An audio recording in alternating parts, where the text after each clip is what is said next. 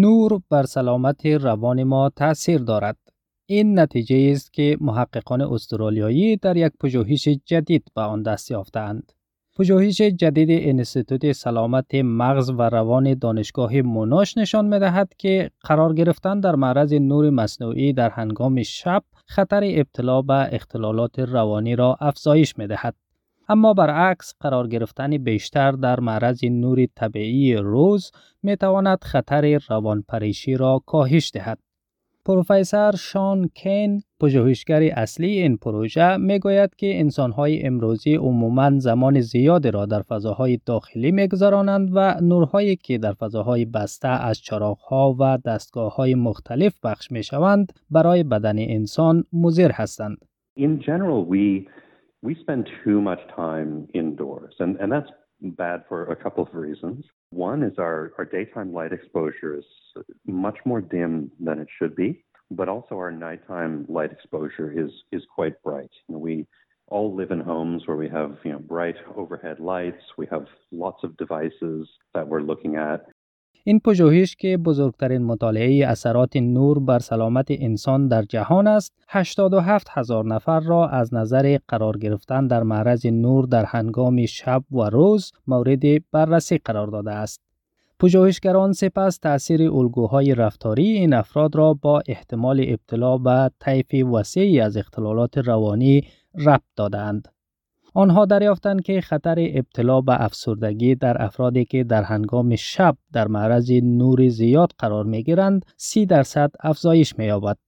اما برعکس در افرادی که در جریان روز در معرض نور زیاد قرار می گیرند خطر افسردگی 20 درصد کاهش می یابد. آنها همچنین الگوهای مشابهی را برای رفتارهای مانند خودآزاری، روانپریشی، اختلال دو قطبی، اختلال استراب فراگیر و اختلال استراب پس از سانحه مشاهده کردند. پروفسور کین می گوید که این یافته ها باید جدی گرفته شوند و تلاش کنیم در جریان روز بیشتر در معرض نور آفتاب قرار بگیریم و شبها از نور خیلی روشن دوری کنیم. What we can do is try to get brighter light in the day, get out more, get some sunlight through the eyes, uh, take the sunnies off. And at night, try to be under light that's, that's very dim.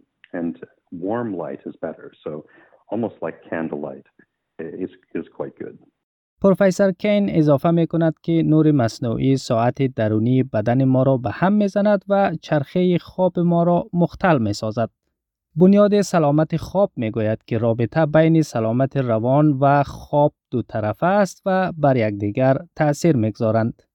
این سازمان مدافع سلامت خواب همچنین دریافته است که بهبود خواب ممکن است از بازگشت بیماری های روانی جلوگیری کند. مویرا جونگا مدیر عامل این بنیاد می گوید نور نه تنها بر هورمون های تقویت کننده خواب بلکه بر هورمون های احساس خوب نیز تأثیر می‌گذارد.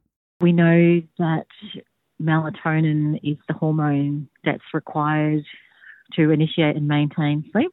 And we know that melatonin is secreted in dark conditions. People don't realize that even through closed eyes, there can be some interaction with the light on your brain and on the brain processes. And likewise, during the day, that actually being out in the light will increase our levels of serotonin, our feel good, happy hormone. پروفسور کین می گوید همین گام های ساده هستند که می توانند سلامت روان ما را بهبود بخشند. او توصیه می کند که تا جایی که می توانید خود را در معرض نور روز قرار دهید و از نور شب دوری کنید. الگوهای رفتاری منظم را دنبال کنید زیرا بدن ما واقعا خواهان نظم است و منظم بودن در کنار حفاظت از سلامت روان طول عمر و سلامت عمومی ما را نیز بهتر می کند. There's a really simple message for people, and that is to get bright light in the day as, as much as you can, have as much darkness at night as you can, uh, but also keep it regular. So our, our bodies really crave regularity.